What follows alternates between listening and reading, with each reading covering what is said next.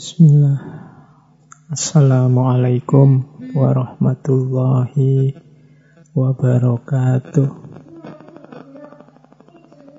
Bismillahirrahmanirrahim. Alhamdulillahi rabbil alamin. Wa bihi nasta'inu ala umurid dunya waddin. Allahumma salli wa sallim wa barik ala habibina wa syafi'ina sayyidina wa maulana Muhammadin wa ala alihi wa ashabihi wa man tabi'ahum bi ihsanin ila yaumiddin.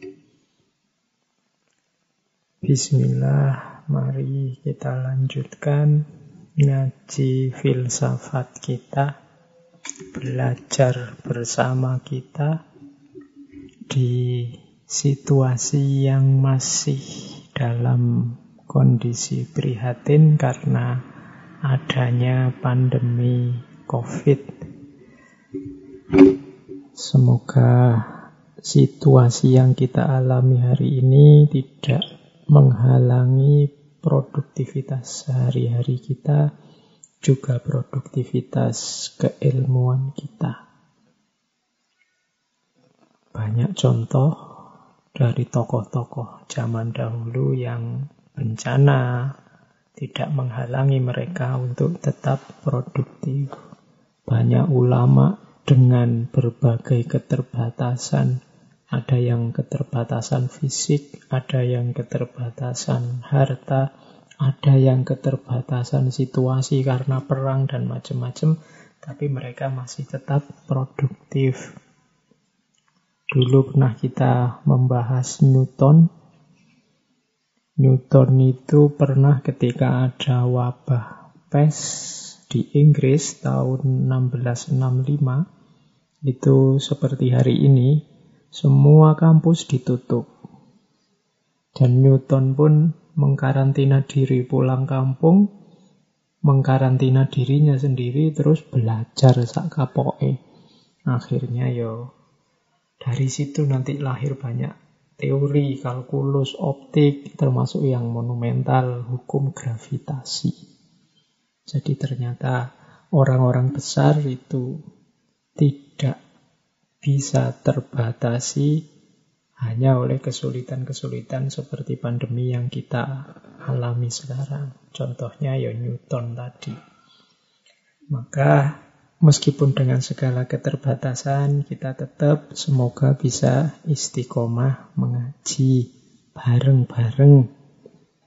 Jadi semoga yang ikut ngaji malam hari ini tetap dengan niat yang baik, dengan menetapi istiqomah untuk berada di jalan ilmu kita bareng-bareng di level ilmu. Malam hari ini kita akan sampai pada tokoh terakhir dari empirisisme yang kita bahas bulan ini. Ini bagi banyak orang tokoh yang paling terkenal, paling besar dari tradisi empirisisme yang teori empirisismenya dikenal sebagai empirisme radikal yaitu beliau David Hume. Teman-teman yang meminati filsafat kemungkinan besar sudah pernah mendengar nama besar ini.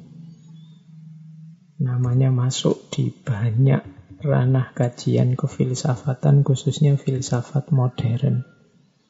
David Hume termasuk bagian dari para filosof pencerahan abad ke 18. Beliau ini lahir tahun 1711. Kira-kira masih sejaman dengan Voltaire atau Rousseau kalau di Perancis. Cuma beliau ini kelahiran Skotlandia. Di Edinburgh. Anaknya seorang tuan tanah dari Skotlandia. Sayangnya David Hume ini ditinggal mati ayahnya saat dia baru berusia tiga tahun. Tapi ya karena dari keluarga kaya, keluarga terpandang juga, jadi hidupnya tidak berkekurangan. Nah, David Hume ini kalau dari sisi biografi ya memang mungkin pinter ya sejak kecil. Karena dia ini umur 12 tahun nanti sudah kuliah. Saya tidak tahu kalau kita 12 tahun mungkin masih sekolah SD ya. Ini David Hume ini 12 tahun sudah masuk fakultas hukum di Edinburgh. Tapi DO dia umur 15 keluar karena bukan karena tidak menguasai ilmunya, tapi dia merasa tidak bakatku belajar di fakultas hukum. Dia memang minatnya sejak kecil filsafat. David Hume ini pede sejak muda itu dia merasa pokoknya mungkin nanti aku akan punya teori besar sendiri karena dia ini sering merasa tidak cocok dengan teori-teori yang dia kaji. Dia ini meskipun masih sangat muda, dia sering punya pendapat sendiri, punya komentar sendiri tentang konsep-konsep teori-teori yang dia hadapi. Makanya dia merasa nanti pada saatnya aku akan punya teori besarku sendiri. Nah ini boleh ya jadi inspirasi buat teman-teman. Ternyata usia bukan faktor utama untuk kita produktif, kreatif, ini yang kebetulan mendengarkan ngaji, jangan terpatok, wah saya masih muda pak, besok-besok saja berkaryanya, saya masih, umur saya masih panjang, tidak ada jaminan sebenarnya. Tapi yang jelas, jangan terpatok oleh umur kalau memang bisa berkarya, berkaryalah. Genjotlah kapasitasmu, potensimu, sebesar mungkin, sekuat mungkin sejak sekarang. David Hume ini ya ndak lancar-lancar amat hidupnya meskipun dia anaknya orang kaya sebenarnya. Banyak problem dengan dirinya sendiri. Bahkan hmm. nanti umur setelah DO tadi umur 15, 3 tahun setelah itu umur-umur 18 berarti dia ini kena penyakit namanya nervous breakdown. Ini penyakit agak jenis penyakit jiwa jadi semacam gangguan saraf. Gejalanya biasanya rasanya murung, selalu tanpa sebab. Moodnya jelek terus. Ini ini dialami bertahun-tahun oleh David Hume sehingga dia sudah tidak jadi kuliah, tidak bisa meneruskan kuliahnya. Bahkan sampai nanti usia 23 tahun dia mengalami sakit ini. Jadi semacam sakit jiwa. Wah ini bayangkan orang yang sebenarnya kaya, tapi kemudian punya ambisi besar, tapi terus terhalangi oleh sakitnya, tapi tetap tidak menyerah. Nah, nanti setelah sembuh, dia sekitar usia 23 tahun, bekerja jadi saudagar, melanjutkan bisnisnya keluarganya. Tapi ya lagi-lagi seperti kuliah di fakultas hukum tadi, dia sudah menjalani bisnis beberapa tahun tapi ya berhenti, bukan passionnya. Jadi kuliah di fakultas hukum berhenti, bukan passionnya. Bisnis juga berhenti, karena bukan passionnya juga. Selanjutnya beliau ke Perancis, bergaul dengan banyak filosof Perancis seperti Rousseau, Nanti dalam hidupnya juga sempat bergabung dengan dunia militer, jadi sekretaris seorang jenderal, kemudian bisnis lagi, dan melahirkan banyak karya. Dalam ranah filsafat.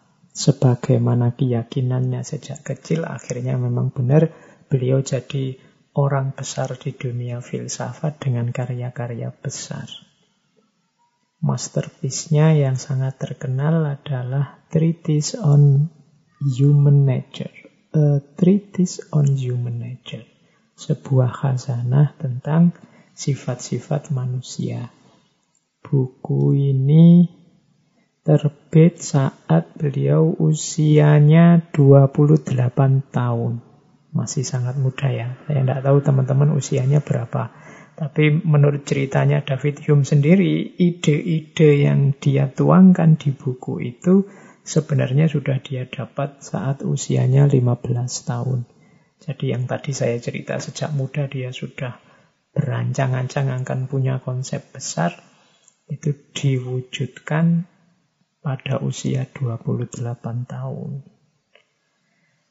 Nah, cerita-cerita biografinya nanti dia tulis sendiri sekitar 3-4 bulan sebelum meninggal beliau ini nulis sebuah risalah judulnya My Own Life. Kehidupanku sendiri. Tidak banyak, cuma 5 apa 7 halaman kuarto itu. Isinya biografi beliau, autobiografi beliau yang ditulis sendiri. Dan nanti beliau meninggal tahun 1776 karena sakit kanker, kanker hati. Oke, itu sedikit perkenalan dengan tokoh besar kita malam hari ini, yaitu David Hume. Baik, kita langsung saja ke pikiran-pikirannya. Kita cari hikmah apa, wisdom apa yang bisa kita ambil dari gagasan-gagasan seorang David Hume. Kita awali dari yang paling dasar, yang paling terkenal ya epistemologinya yang nanti dikenal dengan istilah empirisisme radikal. Nah, pertama-tama begini. Menurut pandangannya David Hume, kita ini dalam hidup banyak mewarisi kumpulan tumpukan teori konsep yang mungkin tidak selalu relevan dengan hidup kita. Katanya David Hume, ada banyak tumpukan teori atau konsep metafisik dari abad pertengahan, duga cari filsafat rasionalis dengan kebenaran-kebenaran a priori. Ini karena zaman itu kan zaman awal modern. Cuma di awal modern ini kan masih banyak mewarisi konsep-konsep dari abad tengah atau dari tokoh-tokoh modernis yang rasionalis, gagasan-gagasannya a priori. Gagasan-gagasan yang adanya hanya hasil permainan pikiran saja. Yang tidak selalu nyambung dengan kenyataan. Kalau di kajian agama kita sering pakai istilah ilmu yang melangit tapi tidak membumi. Zaman itu katanya David Hume kita dikepung oleh banyak teori-teori, banyak konsep-konsep yang metafisik, rasionalis a priori. Padahal teori-teori dan konsep-konsep itu tidak selalu relevan. Bikin hidup tambah rumit saja, tambah ruwet saja. Harusnya teori-teori itu memudahkan kita memahami dunia, tapi teori-teori yang hari ini numpuk di kepala kita itu sering malah jadi penghalang kita memahami dunia secara objektif. Jadi kita tidak jernih lagi melihat realitas karena kepala kita sudah menumpuk banyak teori-teori metafisik a priori. Inilah kegelisahan dasar seorang David Hume. Kita kan sejak kecil kalau yang sekolah ya sejak PAUD, TK, SD, SMP, SMA, kuliah itu kan kepala kita di kelas itu dijejali banyak konsep, banyak teori yang kadang-kadang tidak relevan, tidak nyambung dengan kehidupan kita yang nyata.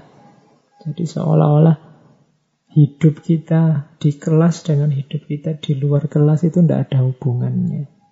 Ini yang digelisahkan oleh David Hume. Ternyata struktur berpikir kita struktur yang a priori, struktur yang melangit. Karena pengaruh-pengaruh teori dan konsep metafisik. Ini perlu digarisbawahi ya, yang metafisik dan rasionalis. Metafisik itu berarti memikirkan hal-hal yang jauh melampaui yang indrawi, yang fisik-fisik, makanya disebut metafisik. Padahal tidak kelihatan kenyataannya, tapi direka-reka oleh akal. Seolah-olah ada beneran. Dan ini mengganggu kita saat harus memahami dunia secara apa adanya. Maka David Hume menyarankan, ayolah kita kembali kepada pengalaman spontan kita tentang dunia. Ayo nyari pengetahuan yang original, versi kita dengan cara memahami langsung dan spontan hidup kita sehari-hari. Nah, jadi ayo dibersihkan sampah-sampah teori-teori pengetahuan-pengetahuan yang metafisik a priori melangit tidak relevan tadi.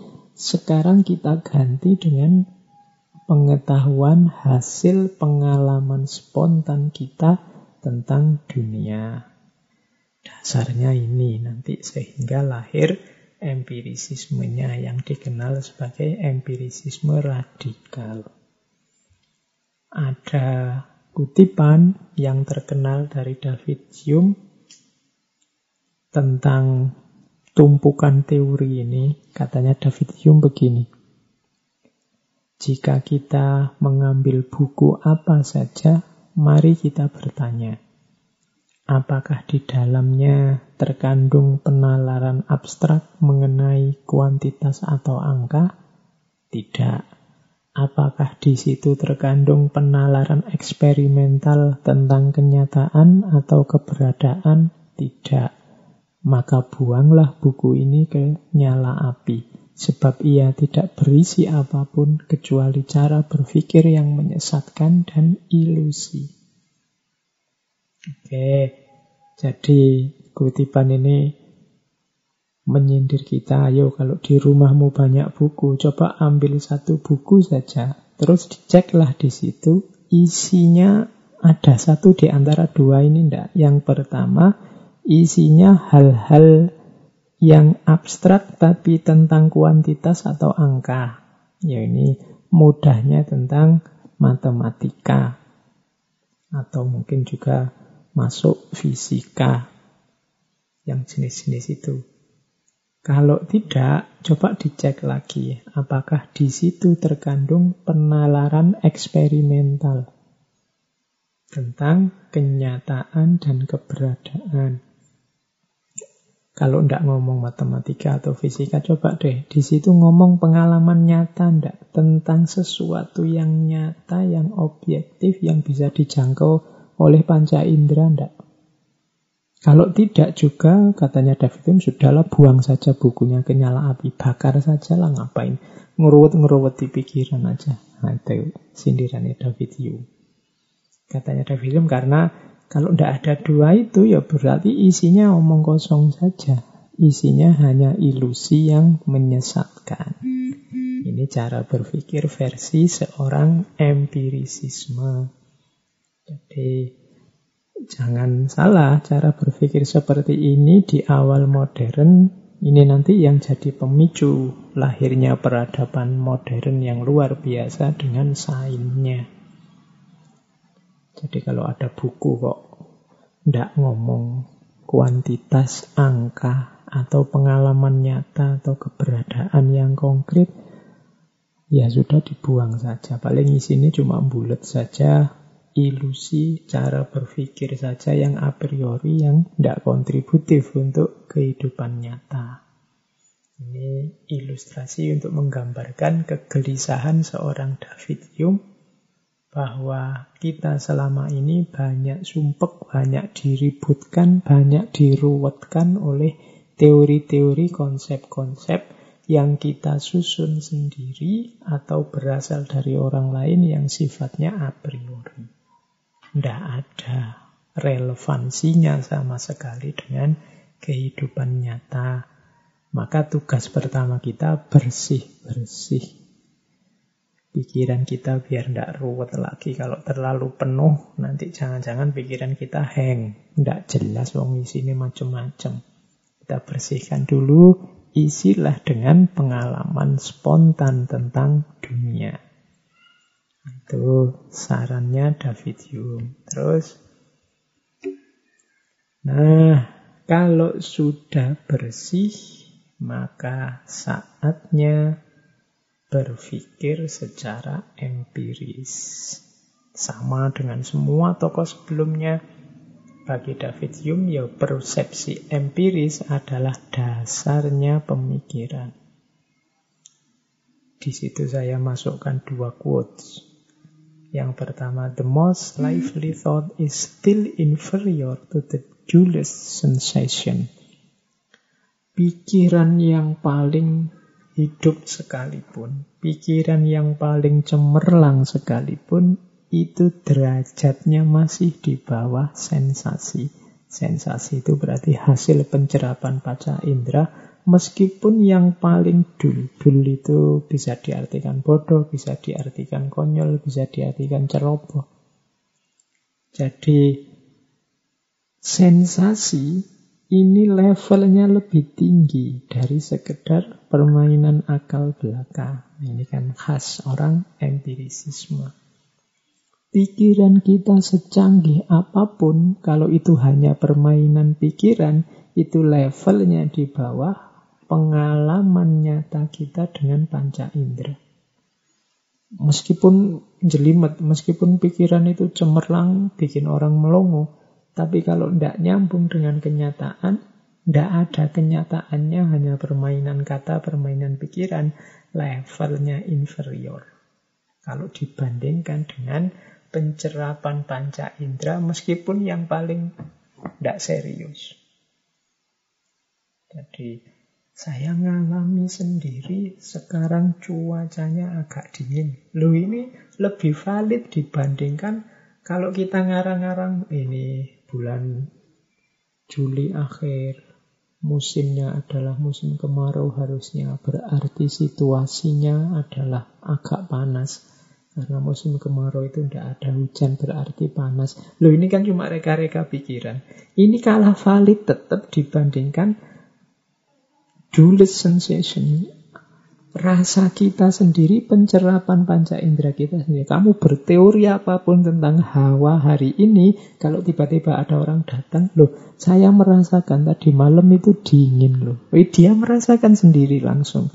Maka dia levelnya lebih tinggi. Wong dia ngerti sendiri, mencerap sendiri dibandingkan orang yang berteori macam-macam tapi tidak ke lapangan, tidak ngerti aslinya. Maka persepsi empiris itu adalah dasarnya berpikir. Quote yang kedua itu agak keras. Reason is ought only to be the slave of the patient. Akal, eh, rasio itu harusnya hanya menjadi budaknya passion. Passion itu rasa kecenderungan hasil cerapan panca indera tadi. Ini di banyak sesi saya menyebut ada beberapa tokoh yang sebenarnya teorinya mirip ini. Bahwa akal itu tidak kuasa atas hidup kita. Misalnya di Imam Ghazali, akal itu bukan rajanya. Rajanya itu justru hati. Hati itu kan nanti nyambungnya ke passion. Kecenderungan hidup kita. Jadi akal itu biasanya diarahkan, diperintah oleh kecenderungan kita, oleh passion kita. Kita suka dulu dengan sesuatu, terus argumen, alasan dicari-cari. Dan itu tugasnya akal. Kita cocok dulu dengan seseorang, suka dulu dengan seseorang, terus akal datang memberi justifikasi pembenarannya. Atau sebaliknya, sebenarnya kita tidak suka dulu dengan seseorang, terus akal datang menjustifikasi ketidaksukaan kita. Jadi akal itu mainnya begitu. Dia menjadi budaknya passion. Wong akal itu memang pinter, kadang-kadang yang keliru, yang meleset. Kalau akal datang yang keliru itu bisa dicarikan pembenar. Yang meleset bisa ditampakkan seolah-olah dia lurus seolah-olah dia tidak meleset. Nah, katanya David Hume, lah akal tidak superior, akal itu inferior. Mirip Imam Ghazali, akal itu di bawah kolbu. Kalau kolbu adalah rajanya, akal hanya panglimanya, dia alatnya. Oke, ya makanya empirisisme dikenal sebagai antitesisnya rasionalisme. Dulu kita belajar rasionalisme dari Rene Descartes. Ya, belajar filsafat itu ya memang seperti ini. Rasanya kok setiap kali ketemu tokoh siapa pun, ya tokoh ini kok bener ya, bagus ya. Dulu waktu kita belajar ini Descartes juga begitu kan. Wah ini yang bener ini Descartes ini. Ya setiap pikiran, setiap gagasan ada ranah, wadah, dan konteksnya sendiri. Jadi Pasti dia tidak benar universal, tapi juga tidak salah seutuhnya. Ada sisi-sisi benarnya, ada sisi-sisi melesetnya. Kalau pas kita jelaskan seperti ini, yang yang saya tampilkan ya sisi-sisi benarnya, apa yang ada di pikiran tokoh yang bersangkutan. Oke, kita lanjutkan. Jadi gagasannya David Hume berawal dari persepsi empiris yang menjadi dasar berpikir. Kalau ini tidak terlalu berbeda dari tokoh-tokoh sebelumnya. Nah, persepsi yang jadi dasar tadi ada dua jenis. Ada impresi, ada ide atau gagasan, impresi atau kesan. Jadi hidup kita ini dasarnya adalah pengetahuan, pengetahuan ini dasarnya adalah persepsi, persepsi ini ada dua jenis, impresi dan ide. Impresi itu kalau kita mengindra langsung realitas yang lahiriah, saya melihat laptop ini itu impresi, saya melihat mikrofon ini itu impresi, saya lihat HP itu itu impresi. Dari impresi biasanya lahir ide. Ide itu ingatan terhadap impresi tadi. Saya lihat laptop ini, ini impresi kesan. Begitu saya keluar dari ruangan ini, laptopnya tak tinggal. Di kepala saya kan masih ada ingatan terhadap laptop yang tadi tak tinggal. Nah, ingatan terhadap laptop ini itulah namanya ide. Besok pagi mungkin saya ke mana, di kepala saya masih ada. Saya masih ingat ada laptop dan mikrofon dan HP di ruangan yang saya ngaji tadi malam. Nah ini sekarang posisinya jadi ide. Dua jenis persepsi, yang satu kesan, yang satu ide, yang satu impresi, yang satu gagasan. Jadi kalau ini mudah dipahami. Nah, menurut David Hume, kesan pastinya lebih kuat daripada ide. Kenapa? Ya karena ide ini hanya tiruan dari kesan. Pengalaman langsung saya melihat laptop ini lebih valid jenis pengetahuannya dibandingkan nanti kalau dia hanya jadi ingatan. Kalau hanya jadi ingatan mungkin bisa terdistorsi, bisa keliru, bisa berubah. Mungkin karena di kepala saya sangat banyak konsep tentang laptop, termasuk karena pengetahuan saya tentang laptop-laptop sebelumnya, maka saya ingatan tentang laptop yang saya dapat malam ini itu mungkin kecampur dengan laptop-laptop yang lain. Bisa keliru juga sedikit-sedikit atau bisa tercampur juga. Tapi kalau pas lihat ini ngerti aslinya, ngerti persisnya, maka impresi itu lebih kuat daripada gagasan. Tadi malam berdua ketemu yangmu, ketemu pacarmu, nongkrong. Lo kalau pas ketemu itu kan ada kesan, ada impresi, kamu ngalami langsung. Kamu lebih valid kalau mau cerita tentang, wah pacarku itu sekarang situasinya begini-begini. Karena pas dia ada di depanmu, tapi begitu kamu pulang, ah ingatan tentang pacarmu tadi, dia jadi ide atau gagasan di kepalamu. Yang mungkin kecampur dengan ingatanmu kemarin, ingatanmu minggu lalu, ingatanmu selama ini. Sehingga derajatnya terus tidak sama dengan impresi. Jadi pengetahuan dasarnya persepsi, persepsi ada dua, ada yang langsung, ada yang ingatan. Terus ternyata ingatan tadi terbagi juga dalam dua jenis. Ada eh ya ingatan atau ide atau gagasan tadi terbagi dalam dua jenis, ada yang tunggal, ada yang kompleks. Kalau kompleks itu berarti sifatnya kombinasi dari gagasan tunggal. Kalau ingatan yang tunggal kan gampang. Ingatanku tentang laptop tadi tunggal. Ingatanku tentang pacar tadi tunggal. Ingatanku tentang mikrofon tadi tunggal. Tentang HP ini tunggal. Nah nanti banyak hal dalam hidup kita sebenarnya kita mengkombinasikan ide-ide ingatan-ingatan ini sehingga melahirkan gagasan yang baru. Atau melahirkan sesuatu yang unik yang baru. Jadi dengan bekal ingatan-ingatan yang ada di kepala, kita melahirkan gagasan tertentu yang disebut gagasan kompleks. Misalnya dulu lahirnya laptop ini mungkin gagasan kompleks dari komputer PC yang ada di rumah dengan ingatan kita ide tentang mobilitas.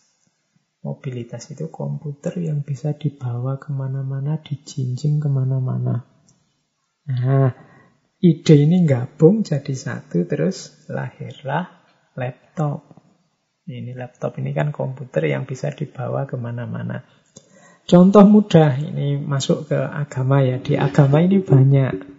Karena agama ini kan barang goib banyak hal yang sifatnya goib sehingga dalam mengilustrasikan keimanan kita itu kadang-kadang kita pakai gagasan-gagasan kompleks ini.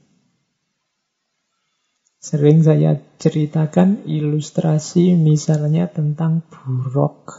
Nah, teman-teman yang muslim pasti ingat ya.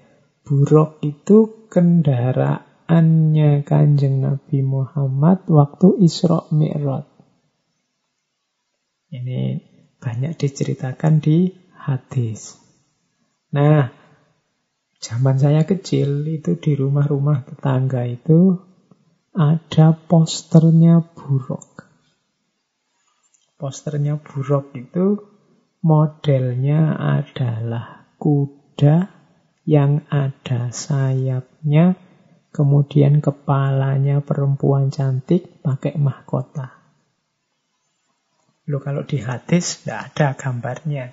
Cuma kenapa muncul gambar itu? Itu pasti lahir dari kombinasi ide atau gagasan-gagasan.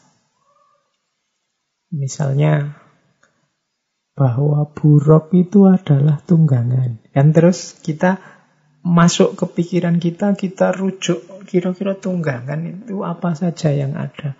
Arab, zaman itu kira-kira jenis tunggangan apa saja? Ada onta, ada kuda, mungkin ada keledai, macam-macam. Nah, cuma ini kan tunggangan ini bisa berjalan cepat sekali dari Masjidil Haram ke Masjidil Aqsa itu bisa sekali jalan sekelebatan mata misalnya. Nah terus, oh kalau dijejer dari tiga binatang ini, unta, keledai, kuda, ya yang paling cepat ya kuda. Akhirnya berdasarkan ide yang ada di kepala kita, kita ambillah bahwa ini buruk, ini mesti kuda. Tapi terus Nabi Muhammad itu menaiki buruk tidak cuma dari Masjidil Haram ke Masjidil Aqsa, tapi juga Mi'raj ke langit ketujuh. Wah, main lagi kemudian kita cari referensi dari ide-ide tunggal yang ada di kepala kita. Wah, ini ada naiknya ya. Naik itu berarti terbang ini mesti. Wah, yang bisa terbang burung. Kalau kuda tidak bisa, gimana ya caranya? Muncullah ide tentang terbang akhirnya apa? Kudanya dikasih sayap. Lahir kuda terbang. Cuma di beberapa hadis dinyatakan bahwa buruk ini sejenis bidadari. Wah, pusing lagi kita. Wah, ini sudah terlanjur kuda ini. Kalau bidadari kan harusnya cantik. Lah kuda ini ya secantik-cantiknya kuda kan ya paling begitu. Wah, kita cari lagi ide yang lain untuk gimana caranya biar dia jadi cantik. Akhirnya dipotonglah kepalanya, digantilah kepala kuda dengan kepala perempuan cantik. Dikasih mahkota mungkin kesannya ini makhluk surgawi. Lah, gambar buruk yang tadi ditempel, ini salah satu contoh gagasan kompleks. Kombinasi dari gagasan-gagasan tunggal yang membentuk satu gagasan yang baru. Itu gagasan kompleks namanya. Ya banyak sih produk-produk baru itu biasanya gagasan kompleks. Dari temuan lama digabung-gabung melahirkan temuan baru. Itu namanya gagasan kompleks. Ya di David Hume banyak dipakai ini untuk membahas agama. Misalnya membahas malaikat. Kalau di barat itu kan malaikat figurnya adalah bayi yang punya sayap. Kemudian biasanya kepalanya ada buletannya itu. Ini kan juga gagasan kompleks. Kenapa diambil bayi? Ya karena malaikat ini kan yang selalu patuh, tidak pernah melakukan dosa. Nah, berarti dia bersih. Dan yang muncul di kepala bersih ini ya ilustrasinya ya bayi. Bayi kan tidak punya dosa. Maka malaikat terus figurnya jadinya bayi. Kemudian malaikat ini mungkin ya ada riwayat bisa mengelilingi bumi dalam sehari sekian ratus kali dan macam-macam semacam itu. Dia bisa saat ini di sini, tiba-tiba di sana dan seterusnya. Mirip kayak buruk tadi, akhirnya diberi sayap. Karena dia mobilitasnya luar biasa, tidak mungkin kalau dia hanya bergerak di darat, harusnya bergerak di udara, diberilah sayap. Kemudian untuk menunjukkan dimensi ukhrawinya, dimensi surgawinya, terus di atasnya dikasih bulat itu yang bercahaya itu. Jadilah malaikat. Nah ini namanya gagasan kompleks. Banyak ilustrasi-ilustrasi yang lain. Karena manusia itu kan biasanya kalau untuk hal-hal yang gaib yang tidak ada kenyataannya ya dia mencari referensi dari yang ada di kepalanya. Mungkin di kepala teman-teman hari ini neraka itu isinya di sana banyak alat-alat pertukangan, ada palu, ada gergaji, ada lenggis, ada rantai untuk nyiksa manusia. Padahal kalau deskripsinya surga dan neraka itu kan la ainun ro'at wala uzunun sami'at. Tidak ada mata yang pernah melihat, tidak ada telinga yang pernah mendengar. Tapi kan begitu diceritain neraka sebagai pusatnya siksaan, surga sebagai pusatnya kenikmatan, kepala kita ini kan main. Mencari rujukan ide-ide gagasan yang ada di kepala. Lahirlah gagasan-gagasan kompleks. Makanya di neraka rasanya di situ banyak alat pertukangan. Kemudian di surga itu apa saja ada. Bahkan buah tinggal ngambil. Ada kolam madu, kolam susu, bidadari yang dan seterusnya. Nah, itu gagasan kompleks. Ya ini contoh kalau kita bawa ke ranah agama. Sebenarnya dalam kehidupan kita sehari-hari yo mainnya itu yo gagasan tunggal dan gagasan kompleks tadi. Gagasan tunggal itu ketika kita mengindra langsung setelah itu jadi ide di kepala, gagasan kompleks ini kalau ide-ide ini kita kombinasikan sehingga melahirkan sesuatu yang baru. Makanya manusia itu terkenal kreatif, produktif. Kreativitas ini tidak dimiliki oleh binatang hewan selain manusia. Lahirnya dari mana? Gagasan kompleks tadi. Nah, pandangan David Hume tentang persepsi, kesan, ide, baik tunggal maupun kompleks, mengimbas ke banyak ranah yang lain dalam pikirannya David Hume. Misalnya gagasan tentang Tuhan. Ini ilustrasi selanjutnya tentang gagasan kompleks. Gagasan tentang Tuhan itu yang ada di kepala kita, katanya David Hume, itu sejenis gagasan kompleks juga. Jadi, sosok Tuhan itu kita jangkau dengan pikiran kita melalui kombinasi ide-ide yang sudah ada di kepala kita. Jadi kita punya ide tentang kecerdasan, kita punya ide tentang kebijaksanaan, kita punya ide tentang kebaikan. Nah, karena ini Tuhan, maka yuk Tuhan pastinya tidak cuma cerdas, tapi maha tahu, maha cerdas.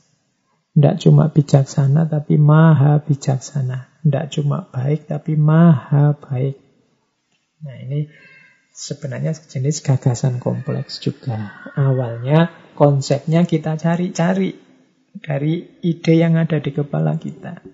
Kita membandingkan dengan yang sudah kita tahu. Kita kecerdasan sudah ngerti, kebijaksanaan sudah ngerti, kebaikan sudah ngerti, tapi karena ini Tuhan terus kita tambahi maha. Maha cerdas, maha bijaksana, maha baik. Nah ini kinerja akal kita melalui gagasan kompleks.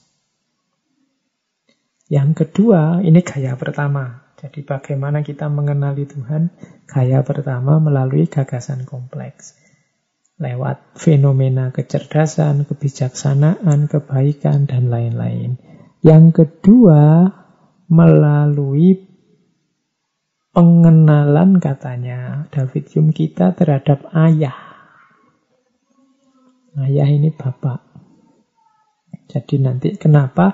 Karena dibayangkan kalau di dunia ini kita punya ayah fisik, pastinya ayah visi ini kan yang melindungi, menjamin hidup kita, mau apa, momong kita dari kecil sampai dewasa. Pastinya ada ayah rohani atau ayah surgawi. Bapak rohani, bapak surgawi. Nah, di situlah mungkin analoginya terus disambungkan dengan Tuhan. Bapak ini kan keras tapi adil. Bapak ini kadang bisa menghukum tapi dia juga yang memenuhi kebutuhan kita. Menghukum tapi tidak menghancurkan. Menghukum demi kebaikan kita. Nah, gambaran-gambaran ayah yang semacam ini terus jadi analogi terhadap keberadaannya Tuhan. Ini gagasan kompleks juga. Jadi pandangan manusia tentang Tuhan, ya kalau aslinya Tuhan sih, kalau bahasa kita kan laisa kamitslihi syai'un, ndak ada tandingannya, ndak ada gambarannya, ndak ada mirip dengan apa pun. Maha unik, satu-satunya kita menyebutnya Esa. Cuma pikiran kita itu kan pasti mengolah ini. Cara mengolahnya gimana? Ya lewat jalan gagasan kompleks tadi. Mungkin lewat fenomena kecerdasan, kebaikan, kebijaksanaan. Kita kan cerdas ngerti, bijaksana ngerti, baik ngerti dari pengalaman kita sehari-hari. Cuma karena ini kasusnya Tuhan, ya Pastinya Tuhan tidak cuma cerdas, tapi maha cerdas. Tidak cuma bijaksana, tapi maha bijaksana. Tidak cuma baik, tapi maha baik. Mungkin masih susah menggambarkannya, akhirnya ketemulah sosok ayah atau bapak. Bapak surgawi. Nah, bapak surgawi dalam arti peran yang dimainkan seperti bapak. Ya mungkin kalau pakai yang pertama tadi, maha bapak. Karakternya seperti bapak, memenuhi kebutuhan, kalau kita salah ya kita dihukum. Sayang pada kita, adil pada kita, tapi kadang juga keras dan tegas. Wah ini terus dianalogikan Tuhan juga terhadap kita sebenarnya seperti itu. Maka bagi David Hume, pemahaman kita tentang Tuhan itu jalurnya ini. Gagasan-gagasan kompleks. Kita tidak akan ketemu Tuhan dengan jalur ini kalau kita tidak ngerti apa itu kecerdasan, apa itu kebijaksanaan, apa itu kebaikan di kepala kita sebagai sebuah ide. Karena kita memahaminya melalui kombinasi ide-ide tadi. Itu implikasi pertama. Implikasi kedua tentang gagasan ini. Kalau tadi tentang Tuhan, kalau ini tentang diri kita sendiri. Siapa sih aku ini? Nah, pertanyaan ini kan sering kita tanyakan dan termasuk salah satu pertanyaan besar di dunia filsafat. Siapa? Katanya David Hume, pertanyaan siapa aku itu pertanyaan yang absurd. Tidak akan bisa terjawab. Kenapa? Karena yang dimaksud aku atau ego ini kan sesuatu yang tidak tetap sifatnya. Tadi kan pengetahuan itu berasal dari persepsi, pencerapan panca indera tentang sesuatu. Nah, kalau itu hubungannya dengan ego atau aku, aku atau ego ini kan berubah-ubah terus. Diri kita ini kan dinamis. Kemarin apa, sekarang apa, besok mungkin kita jadi apa. Jadi kalau ada orang tanya siapa aku, terus kita mencari lewat jalur persepsi, kita tidak akan ketemu siapa aku. Karena aku yang sekarang mungkin bukan aku yang kemarin. Aku yang sekarang mungkin beda dengan aku yang besok. Jadi kalau ada orang tanya, aku ini siapa? Kita tidak bisa menunjuk dengan pasti. Aku itu yang mana? Aku itu siapa? Bahasanya David Hume, manusia adalah a bundle of perception. Jadi rangkaian persepsi-persepsi. Nah, kan persepsi ini berubah-ubah terus.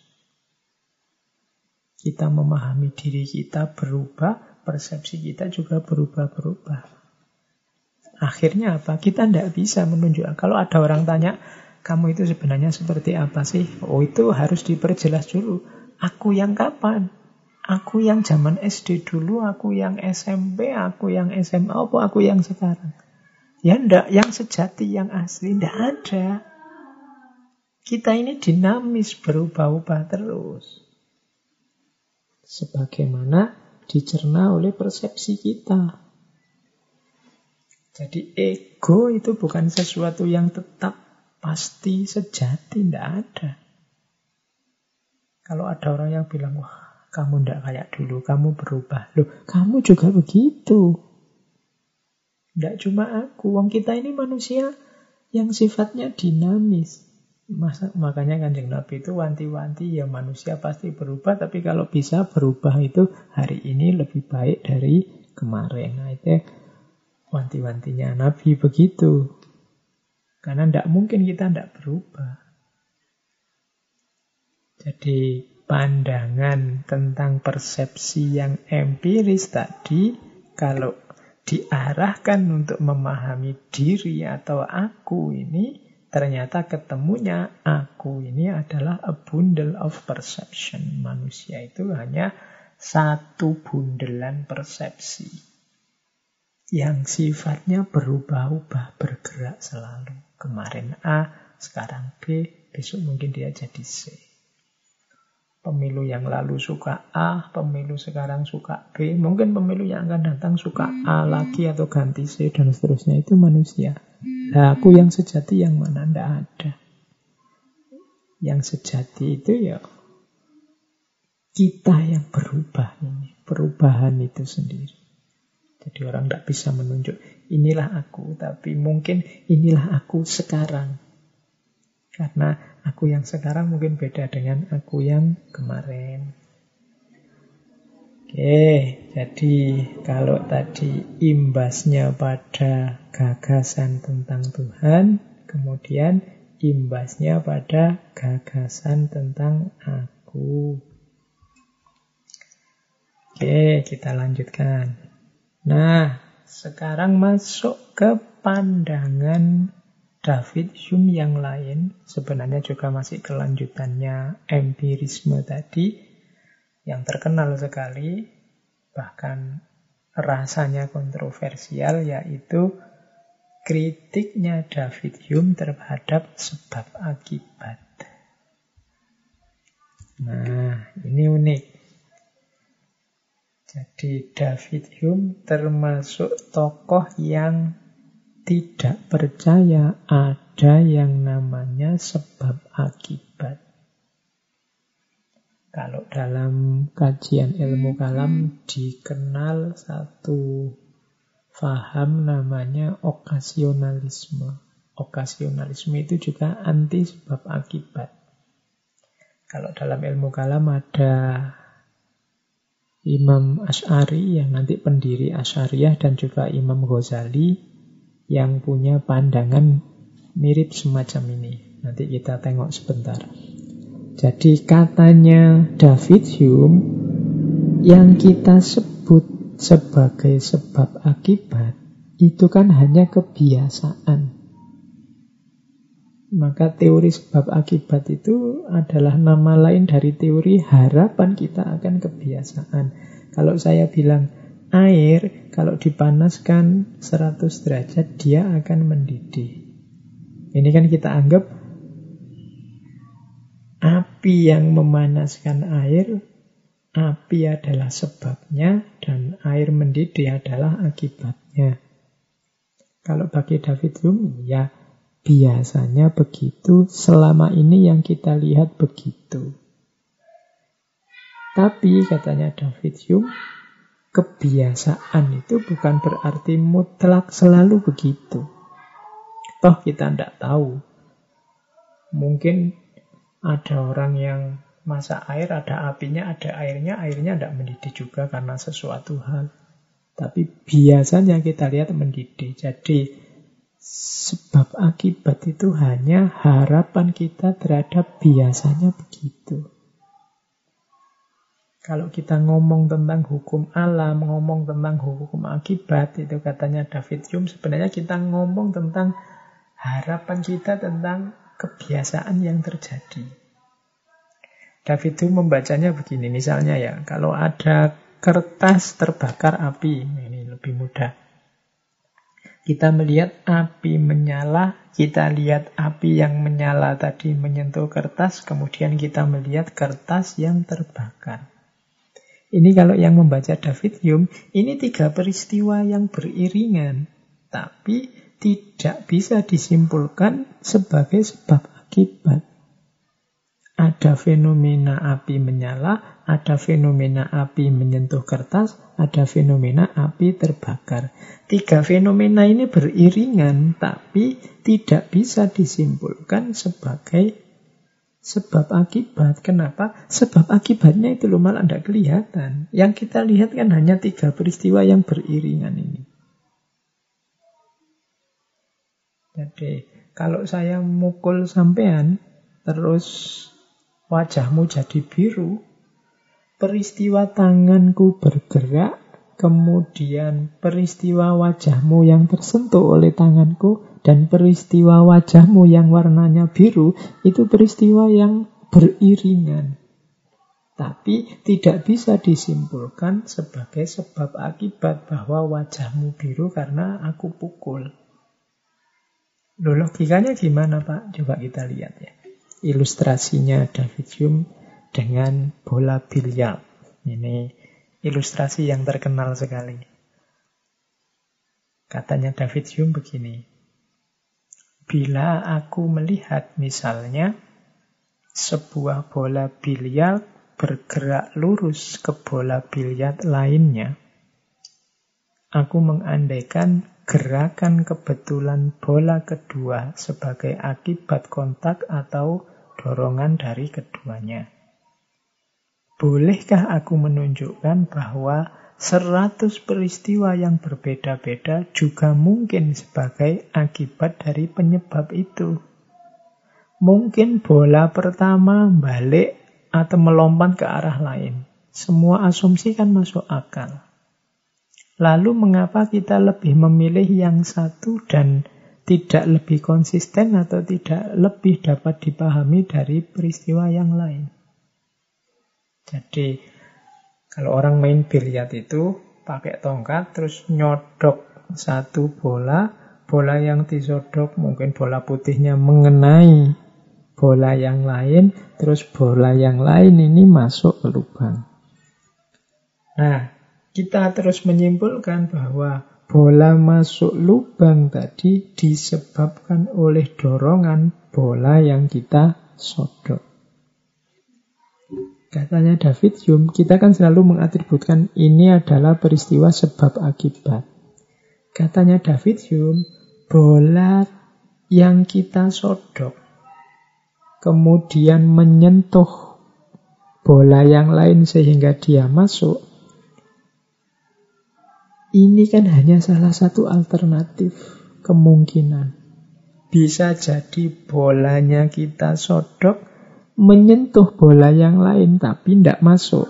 Atau bola yang kita sodok terus melenceng. Atau bola yang kita sodok malah meloncat, tidak kena bola yang lain. Nih, Peristiwanya sama kita menyodok bola. Tapi alternatif akibatnya bisa macam-macam. Katanya David Hume, lah kok kita memastikan bahwa yang satu ini loh yang sebab akibat. Kok tidak yang lain? Toh sama-sama tidak konsistennya, sama-sama mungkin. Hanya saja kebetulan yang tadi pas kena terus nyemplung. Jadi berarti apa? Sebab akibat itu tidak bisa kita pastikan. Yang bisa kita pastikan adalah peristiwa-peristiwa yang beriringan saja. Kalau tadi wajahmu biru karena kena bogemku, jangan salahkan aku. Jadi ini hanya peristiwa yang beriringan saja, tanganku bergerak menyentuh wajahmu, dan peristiwa wajahmu yang warnanya biru. Itu hanya dua peristiwa yang beriringan. Tidak mutlak sebab akibat. Kenapa? Bisa jadi tanganku bergerak kena wajahmu dan wajahmu tidak biru. Bisa jadi tanganku bergerak kena wajahmu, tapi malah tanganku yang biru. Kan segala kemungkinan mungkin. Kenapa kita harus memastikan yang satu itu sebagai sebab akibat?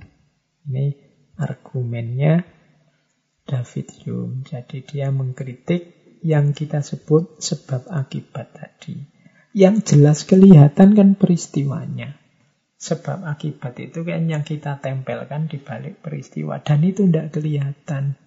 Ini konsisten dengan dia, tidak setuju dengan pemikiran yang a priori tadi.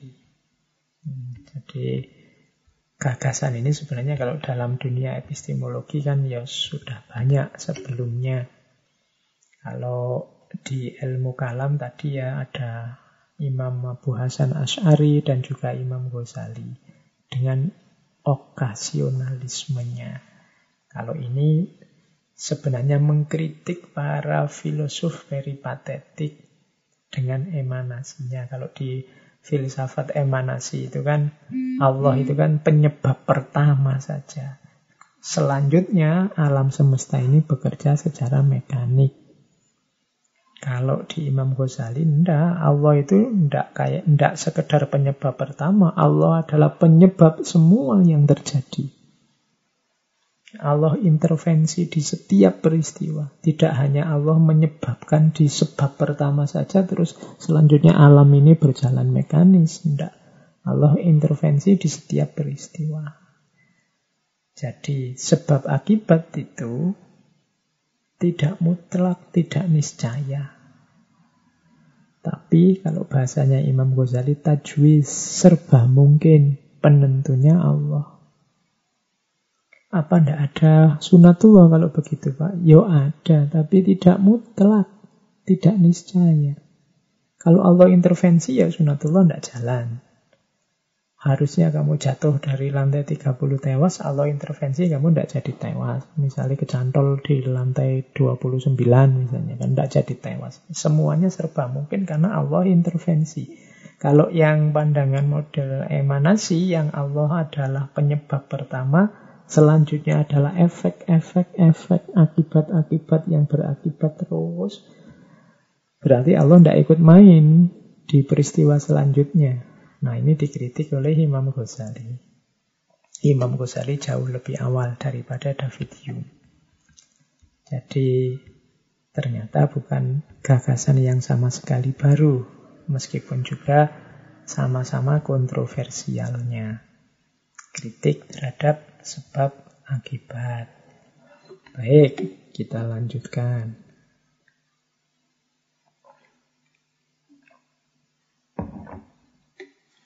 Selanjutnya, selain kritik kepada sebab akibat, David Hume juga mengkritik induksi. Kritik terhadap induksi ini merupakan kritik juga terhadap sains. Tadi empirisisme memang basisnya sains, tapi induksi dikritik oleh David Hume. Kritiknya di mana? Induksi ini kan dasarnya sains. Orang menyusun sains itu kan mengamati fakta, khusus disimpulkan secara umum menjadi yang namanya teori. Itu yang pertama. Yang kedua, mengamati fakta khusus, kemudian melihat gejala yang susul menyusul, kemudian disimpulkan ada sebab akibat yang sifatnya universal. Nah, katanya David Hume, baik yang model pertama, model pertama itu tadi ya, melihat hal-hal tertentu yang khusus-khusus terus disimpulkan secara umum jadi teori. Atau yang kedua, mengamati satu hal dan peristiwa yang saling beriringan terus disimpulkan ada sebab akibat.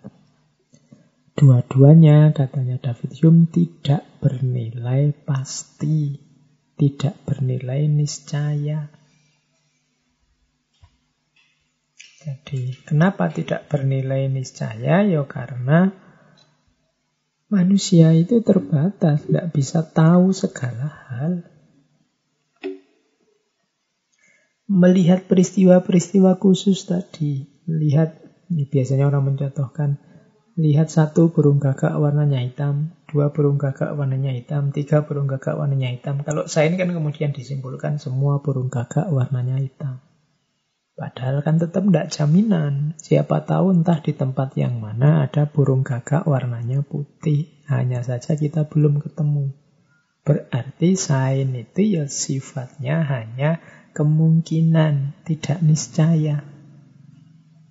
Makanya para peneliti yang melakukan eksperimen untuk sain itu kan biasanya diulang-ulang. Dalam rangka apa? Meyakinkan biar derajat kepastiannya lebih tinggi, meskipun tetap sifatnya kemungkinan.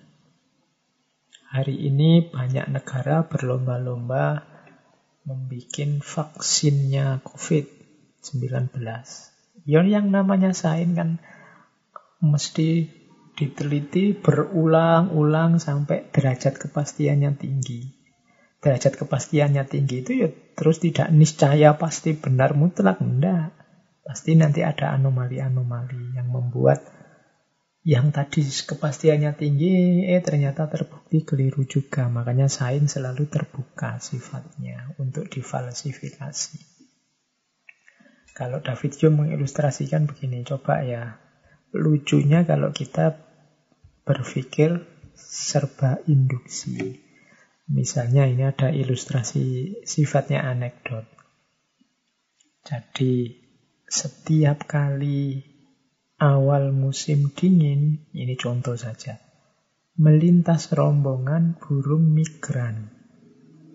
Di saat yang sama, angka kehamilan meningkat. Karena tiap tahun kok seperti ini, orang terus menyimpulkan, wah berarti ada hubungannya antara burung lewat dan kehamilan.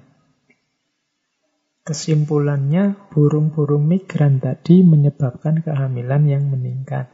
Loh ini cara berpikir induksi. Dulu ada yang seperti ini, misalnya ketika guru-guru mulai sertifikasi, pegawai negeri mendapat sertifikasi, yang guru-guru perceraian kok meningkat. Nah, terus diteliti-diteliti disimpulkan mungkin ada korelasi antara perceraian dan sertifikasi guru. Atau hari ini karena ada COVID semua orang balik ke rumah, tidak ke mana-mana, kehamilan meningkat. Terus kesimpulannya pandemi menyebabkan kehamilan meningkat. Kan bisa jadi begitu. Itu cara berpikir induksi memang begitu. Makanya dikritik oleh David Hume. Tidaklah harus lebih cermat lagi, tidak sekedar mengumpulkan yang khusus disimpulkan jadi umum. Karena kalau hanya dasarnya itu ya perlu dipertanyakan validitas sainnya. Nah, ini kritik terhadap sebab akibat, kritik terhadap induksi yang jadi dasarnya sains. Kita lanjutkan. Nah, terus selain kritik induksi, kritik terhadap sebab akibat ada juga kritiknya terhadap mukjizat. Mukjizat itu peristiwa-peristiwa yang tidak natural, tidak alami, keajaiban. Kalau kita yang beragama akrab ya dengan terminologi mukjizat. Nah, kalau tadi sebab akibat itu hanya kebiasaan saja, katanya David Hume yang kita sebut mukjizat itu sebenarnya ya sesuatu yang tidak kita alami, yang berbeda dengan kebiasaan. Terus kita sebut mukjizat. Padahal mungkin ya biasa-biasa saja, tapi karena kita tidak pernah ngalami, terus kita sebut mukjizat.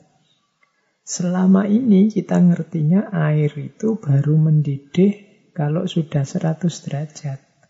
Eh tiba-tiba mungkin satu ketika belum terlalu panas, belum 50 derajat. Tapi kok kita lihat airnya sudah banyak gelembung, sepertinya sudah mendidih. Terus kita sebut, wah mukjizat ini baru dua menit di atas kompor, sekarang airnya sudah mendidih padahal belum terlalu panas. Nah, kita menyebut ini kan keajaiban. Padahal ya ternyata yang kita sebut keajaiban hanya biasanya tidak begitu. Jadi ini urusan biasanya begitu atau biasanya tidak begitu. Yang biasanya begitu itu kan jadi yang kita sebut sebab akibat tadi. Ternyata juga tidak mutlak. Nah yang biasanya tidak begitu kita sebut mukjizat. Ya makanya tidak biasa saja. Berarti apa? Ini ada hubungannya dengan kebiasaan pemikiran kita. Anak kecil misalnya yang belum pernah, yang pikirannya belum jalan misalnya, tidak ngerti kalau manusia itu tidak bisa jalan di atas air misalnya. Kalau tiba-tiba lihat orang jalan di atas air, anak kecil ini tidak akan kaget. Kenapa? Ya dia tidak tahu. Di kepalanya belum ada teori bahwa manusia tidak bisa jalan di atas air. Tapi orang dewasa yang sudah paten di kepalanya dengan teori induksi sebab akibat tadi, Dia tahu kalau manusia disimpulkan tidak bisa jalan di atas air. Maka kalau ada orang jalan di atas air, dianggapnya luar biasa, mesti kaget. Kalau ada bapak sama anak, balita jalan-jalan ke pinggir kali, terus ada orang jalan di atas air. Ini yang kaget bapaknya, mungkin anaknya yang tidak ngerti, dianggap lucu saja. Mengapa bisa begitu? Kebiasaan berpikir. Ada orang dibakar tidak mempan. Nah, ini kan mukjizat Nabi Ibrahim. Hari ini mukjizat semacam itu mungkin tidak terlalu luar biasa. Mungkin ada baju tertentu miliknya pemadam kebakaran itu juga anti api. Zaman Nabi Isa penyakit kusta itu luar biasa. Maka ketika Nabi Isa bisa menyembuhkan sakit kusta, rasanya itu mukjizat. Tapi hari ini mungkin tidak terlalu wow, tidak terlalu luar biasa karena dokter-dokter hari ini juga mungkin sudah bisa menyembuhkan sakit kusta. Hubungannya berarti apa dengan kebiasaan zaman itu. Jadi mukjizat itu sebenarnya ya hanya sesuatu yang tidak biasa yang kita alami. Nanti lebih jauh ketika David Hume mengkritik agama-agama, dia melanjutkan kritiknya pada mukjizat. Yang pertama, mukjizat itu biasanya sifatnya subjektif, tidak kolektif. Ya pasti ya, mukjizat hanya dialami satu-satu orang. Tidak mungkin semuanya mukjizat. Ada wali bisa Jalan di atas air itu kan ya satu dua wali, tidak semuanya orang bisa jalan di atas air. Yang kedua berdasarkan klaim. Cerita-cerita mukjizat itu katanya David Hume banyak yang sifatnya klaim-klaim saja dari para pengikut, para pengagum, para fans. Nah, itu sering mengklaim peristiwa mukjizat. Makanya semoga yang ikut ngaji filsafat ini bukan fans ya. Kita teman saja, sahabat. Karena kalau kan ada pepatah dalam bahasa Inggris itu. Fans are demanding, friends are understanding. Kalau fans itu biasanya cenderung menuntut, pengen ini, pengen ngono, tidak cocok ini, tidak cocok itu, itu fans. Tapi kalau teman, kalau sahabat itu understanding. Understanding itu memahami situasi. Makanya kanjeng Nabi menyebut murid-murid orang-orang di sekelilingnya sebagai sahabat. Bukan fansnya, bukan penggemarnya, bukan followernya. Nah, kritiknya David Hume tadi, biasanya yang mukjizat-mukjizat itu hanya klaim, bukan kesepakatan empiris, ada faktanya yang terus disepakati secara empiris. Klaim-klaim orang tertentu, kelompok tertentu. Kemudian yang ketiga, kenapa populer mukjizat ini? Karena manusia itu suka hal-hal yang wow, yang luar biasa. Kalau hari ini ya, yang viral-viral itu kan disenangi sama orang-orang.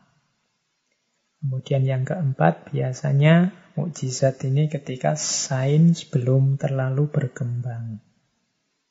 Dan yang keempat, mukjizat ini sering kali merupakan tafsiran-tafsiran iman saja.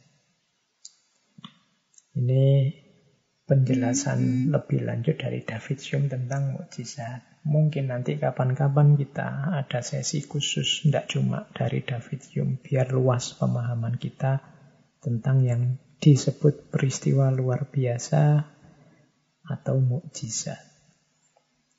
Nah, kita lanjutkan ya.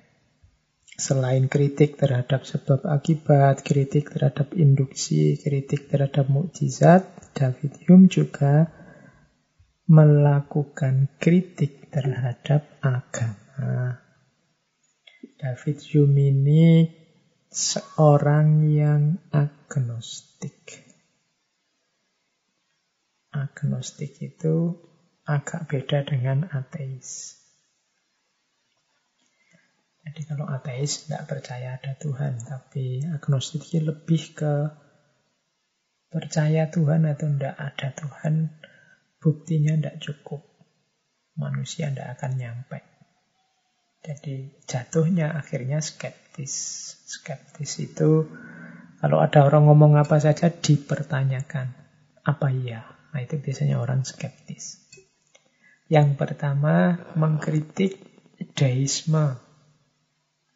Deisme itu pandangan bahwa alam semesta ini sudah ada hukumnya. Kalau dalam Islam namanya sunnatullah. Dan berarti Allah itu sudah tidak aktif lagi, Tuhan tidak aktif lagi. Wong alam sudah ada hukumnya, sudah ada mekanismenya sendiri. Jadi melihat alam hanya mekanis saja. Yang itu sumbernya adalah kekuasaan Allah, kemahabaikan Allah. Nah ini deisme. Nanti bisa dikompar dengan Imam Ghazali tadi yang mengkritisi para filosof peripatetik. Itu juga menganggap alam ini mekanis saja sebab akibat. Karena kemahakuasaan dan kemahabaikan Allah. Kalau David Hume melihatnya masuk lebih dalam bahwa apa ya alam ini tertib dengan sunatullahnya. Buktinya apa? Wong di alam semesta ini banyak bencana, banyak kerusakan, banyak kejahatan. Nah, ini masuk tema teodisi. Jadi David Hume mengkritisi pandangan kelompok deistik terhadap agama. Kalau yang deistik itu kan alam ini mekanis saja seperti jarum jam. Padahal katanya siapa alam itu tertib kayak jarum jam. Alam ini kadang ada bencana, ada kerusakan, ada kejahatan. Di antara yang disukai oleh David Hume adalah filosof yang dulu pernah kita bahas, yaitu Epikuros. Epikuros ini kan yang mengkritisi keberadaan Tuhan dengan argumen kejahatan. Katanya Epikuros, kan ini ada kejahatan. Apa Tuhan tidak ingin untuk melenyapkan kejahatan di muka bumi? Kalau dia memang tidak ingin, berarti Tuhan tidak maha baik. Atau Tuhan ingin, tapi tidak mampu. Ah, kalau begitu ya, kalau tidak mampu berarti Tuhan tidak maha kuasa. Ah, ndaklah Tuhan itu ya ingin, ya mampu. Lah kalau Tuhan ingin dan mampu, mengapa masih ada kejahatan? Atau dua-duanya? Oh enggak, berarti Tuhan ya ya tidak ingin, ya tidak mampu. Ya kalau gitu ya jangan dipanggil Tuhan. Nah, itu Epikuros. Kritik terhadap pandangan tentang keberadaan Tuhan lewat jalur kejahatan. Adanya kejahatan di muka bumi. Ini dulu pernah kita bahas satu sesi argumen dan jawabannya di sesi teodisi. Itu yang pertama dikritik oleh David Hume. Kritik yang kedua adalah tentang kehidupan sesudah mati atau immortalitas. Biasanya orang percaya hidup sesudah mati itu yang pertama biar banyak orang baik. Karena kalau tidak ada hidup sesudah mati, orang itu disuruh baik, disuruh bermoral susah. Kenapa? Karena banyak bukti orang-orang jahat itu sampai matinya juga hidup enak terus, senang-senang terus. Maka balasannya orang ini nanti di akhirat setelah mati. Jadi perlu immortalitas hidup sesudah mati, keabadian. Nah ini dikritik oleh David Hume. Yang pertama, masa sih untuk hidup tertib dan bermoral saja mengandaikan harus ada sesudah mati. Itu yang pertama kritiknya. Yang kedua, kita itu tidak punya bukti, tidak ada faktanya, tidak ada rekamannya, tidak ada Apalagi bukti konkretnya bahwa hidup sesudah mati itu benar-benar ada. Ini kritiknya David Hume. Ini tema-tema besar sebenarnya yang harus kita bahas kapan-kapan secara lebih detail. Tapi sementara kita tahu bahwa David Hume mengkritik itu dengan alasan Tidaklah kalau model yang pertama tadi kita butuh hidup sesudah mati demi moralitas, berarti moralitas itu kan hanya efeknya saja. Hidup sesudah mati itu hanya efeknya saja dari moralitas. Dan yang kedua, kita tidak punya faktanya, tidak punya buktinya. Gambarnya, mungkin rekamannya, tidak ada orang yang mati balik lagi cerita detail gitu, tidak ada juga. Itu katanya David Hume. Dan yang ketiga, mengkritik tahayul-tahayulnya agama. Karena memang agama ini banyak diwarnai oleh hal-hal yang gaib, hal-hal yang adikodrati. Dan ini dikritik oleh David Hume. Mbok yo kita hidup itu yang konkret-konkret saja, yang nyata-nyata saja, yang jelas bisa dikelola oleh manusia. Kalau agama terlalu banyak hal-hal yang adikodrati. Yang justru seperti yang di awal tadi, konsep-konsepnya banyak membuat rumit pikiran kita dalam membaca realitas secara objektif. Oke, kita lanjutkan. Tadi sudah kritik-kritik. Nah, sekarang pandangannya David Hume dalam bidang moral. Ini juga ada hubungannya dengan empirisismenya.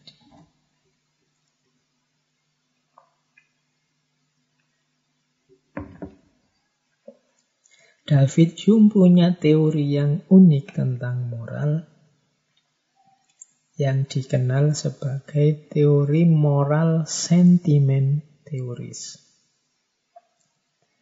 Teori perasaan moral, sentimen moral. Biasanya orang membahas etika atau moralitas itu kan dasarnya rasio atau akal, dasarnya kitab suci, dasarnya suara hati ada begitu atau dasarnya manfaatnya tujuannya dan seterusnya. Tapi katanya David Hume lah moralitas itu dasarnya perasaan. Jadi perasaan suka atau tidak suka? Nah ini unik menurut saya. Yang pertama kita lihat asumsi-asumsinya ya. David Hume menolak semua sistem etika yang tidak berdasarkan pengamatan empiris. Termasuk etika. Yang kita ketahui itu kan hanya terbatas yang pernah kita alami. Berarti juga termasuk moralitas maka semua sistem etika yang tidak berdasarkan pengamatan pengalaman empiris bagi David Hume hanya a priori belaka. A priori itu berarti ya tidak nyambung dengan fakta nyata kehidupan manusia. Asumsi pertamanya itu. Nanti kita lihat sehingga kesimpulannya sumbernya moral itu perasaan. Yang kedua, bagi David Hume karena dasarnya etik itu harus pengalaman empiris, berarti tidak ada nilai yang mutlak, yang objektif mendahului tanggapan kita atau sikap kita. Sesuatu itu dianggap bernilai oleh manusia yang memberikan nilai padanya. Ini kalimatnya rada rumit. Sesuatu itu bernilai karena kita merasa tertarik kepadanya dan bukan sebaliknya kita merasa tertarik kepada sesuatu yang bernilai. Laptop ini bagi saya bernilai.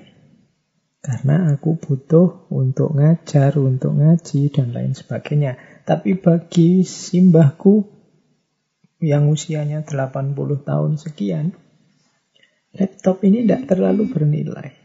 Berarti nilai itu sesuatu yang ditempelkan oleh manusia. Dia tidak bernilai dalam dirinya sendiri.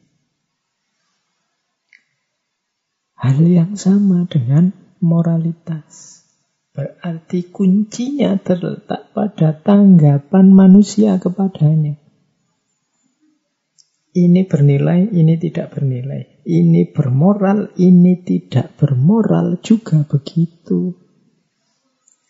Sesuatu kita setujui, kita banggakan, kita senangi, atau kita benci, kita jijiki, dan sebagainya. Ini kan tanggapan kita terhadap sesuatu. Berarti awalnya moralitas itu diawali dari tanggapan manusia, pengamatan empirisnya. Berarti tidak ada kewajiban moral, nilai moral yang dari luar diri manusia. Katanya David Hume. Maka etika harus dicari dalam diri kita sendiri. Cari dalam perasaanmu mana baik, mana buruk itu. Tidak dalam hal-hal yang universal, kewajiban moral, dan lain sebagainya. Gambaran mudahnya nanti ada ilustrasi begini. Ini diambil dari Treatise of Human Nature, salah satu masterpiece-nya. Gambarkan begini katanya David Hume. Sebut satu tindakan yang pasti jahat. Misalnya pembunuhan berencana. Ini kan jahat. Bunuh itu jelek apalagi direncanakan dulu. Lalu ujilah dengan jelas, dengan teliti, temukan jika kamu bisa mana yang disebut jahat itu secara faktual atau nyata. Engkau tidak akan menemukannya. Itu kan ada peristiwa, orang bunuh orang, orang merencanakan bunuh orang. Perbuatan ini kan sifatnya netral jahat tidaknya tidak kita temukan di perbuatan itu, tapi kita temukan, tuh lihat kalimat selanjutnya, engkau tidak akan menemukannya sampai engkau menggunakan perasaanmu dan mendapati satu rasa tidak suka yang muncul dalam dirimu terhadap tindakan tersebut. Inilah yang faktual. Namun ternyata bukan ranah perasaan, merupakan ranah perasaan, bukan ranah rasio. Jadi Tadi kita lihat peristiwa pembunuhan berencana tadi. Jahatnya ada di mana? Jahatnya ada di rasa jijik kita terhadap peristiwa itu. Kalau tindakan yang sama misalnya terjadi di medan perang misalnya kita sedang mempertahankan NKRI dari serbuan musuh terus ada perang. Loh kan dalam perang itu kita juga melakukan pembunuhan berencana. Kita rancang gimana kita bunuh musuh kita biar semuanya tewas terus kita menang. Tapi di peristiwa ini kan kita tidak melihatnya dengan jijik. Di peristiwa ini sama-sama pembunuhan berencana, tapi kita anggap itu patriotisme. Sementara yang pembunuhan berencana yang lain, mungkin ada orang begal, orang ngerampok. Kita melihatnya dengan jijik. Ini orang ini tidak manusiawi sekali, orang ini menjijikkan sekali. Berarti sumber moral itu hakikatnya tangkapan perasaan kita. Tidak pada peristiwanya. Jadi di sinilah kunci moralitas, katanya David Hume. Terus, maka Selanjutnya, setelah kita tahu, oh berarti dasarnya perasaan. Yang mendorong tindakan itu perasaan. Nilai moral berarti apa? Diawali dari setuju atau tidak setuju. Kalau yang pejuang tadi membunuh penjajah, kita setuju. Kalau yang orang begal bunuh orang di tengah jalan, kita tidak setuju. Dua-duanya peristiwa moral. Dua-duanya tindakan membunuh. Tapi yang satu kita setuju, yang satu kita tidak setuju. Berarti moral penilaiannya didasarkan perasaan kita setuju atau tidak setuju. Nah, standarnya apa? Standar moral itu adalah nikmat, katanya David Hume, nikmat atau kegunaan. Kita biasanya setuju sesuatu yang menurut kita memberikan nikmat atau memberikan guna atau manfaat. Kita tidak setuju kalau tidak memberikan nikmat atau tidak memberi manfaat. Jadi, dasarnya perasaan, penilaiannya setuju tidak setuju, standarnya memberikan nikmat ada manfaatnya atau tidak. Rasio gunanya apa? Rasio gunanya untuk mengukur tadi manfaat atau nikmat tadi. Itu perannya rasio. Nah, inilah yang disebut moral sentimen teoris.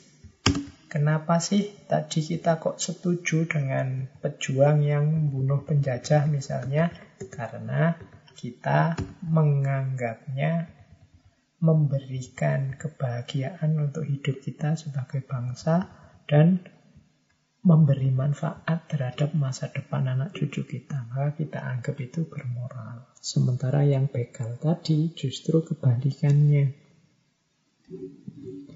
Terus, kalau begitu, berarti apakah moral sentimen ini sifatnya subjektif dan egois? Ingin mencari enaknya sendiri atau menangnya sendiri?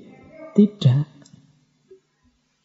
Katanya David Hume karena sumbernya moralitas itu adalah perasaan, kita nyaman, kita senang, kita setuju. Jangan lupa manusia itu punya fitrah makhluk sosial.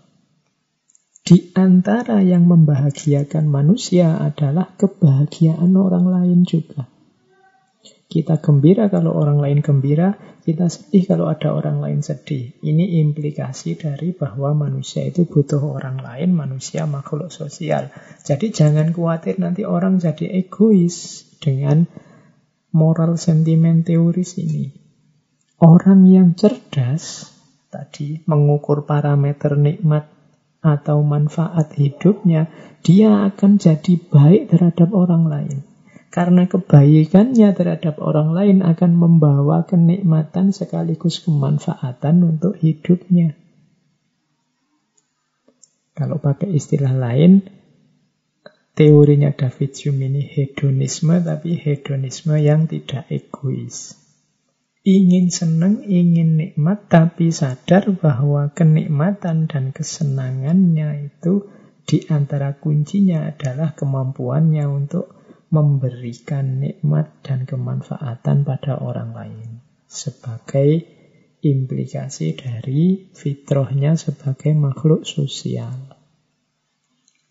Ini teori moral yang khas dari seorang David Hume. Dasarnya moral itu perasaan, penilaiannya adalah rasa setuju atau tidak setuju, standarnya nikmat dan kegunaan, meskipun tidak selalu harus diartikan egois, dan rasio berperan untuk mengetahui mana yang nikmat, mana yang manfaat. Oke, jadi itulah teori moral sentimen. Perasaan moral sebagai dasar dari moralitas. Nanti teori ini panjang, termasuk di situ saya bawa tentang kelompok-kelompok sifat yang positif. Saya bacakan saja ya, karena tidak terlalu susah dipahami kalau ini. Ada empat kelompok sifat moral yang positif. Ada yang berguna bagi masyarakat. Yang berguna bagi masyarakat itu ada dua, yaitu keadilan dan kebaikan hati.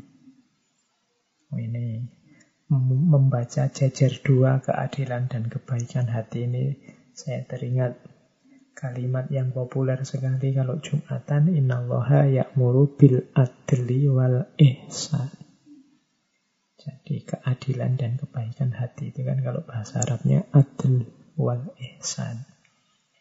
Kalau dua ini hidup, maka melahirkan manfaat yang luar biasa bagi masyarakat. Yang kedua, yang berguna bagi diri kita sendiri.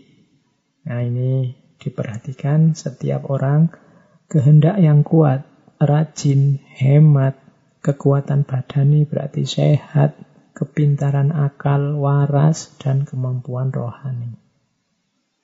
Kalau kita ingin hidup kita manfaat, hidupkan ini. Niat yang kuat, rajin, hemat, sehat, pinter, dan spiritual, rohaninya hidup. Terus ada yang langsung menyenangkan, tapi untuk diri kita sendiri, yaitu apa? Gembira, kebesaran jiwa, karakter yang luhur, berani, tenang, baik.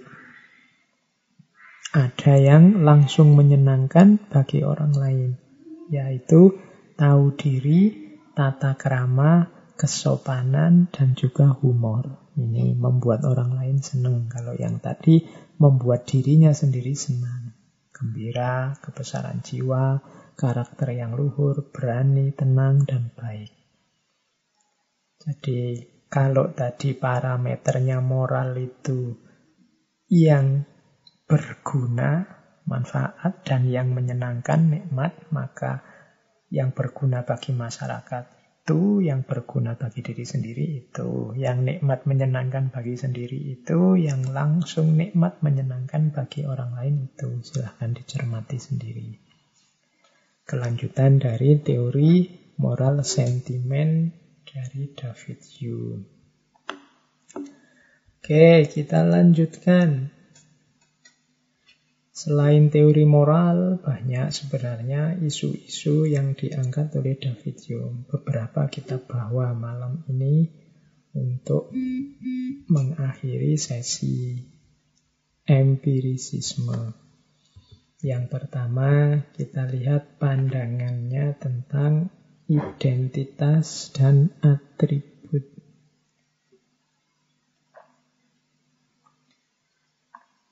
Yang pertama kalimat dari David Hume, identitas yang kita tempelkan kepada segala sesuatu adalah fiktif.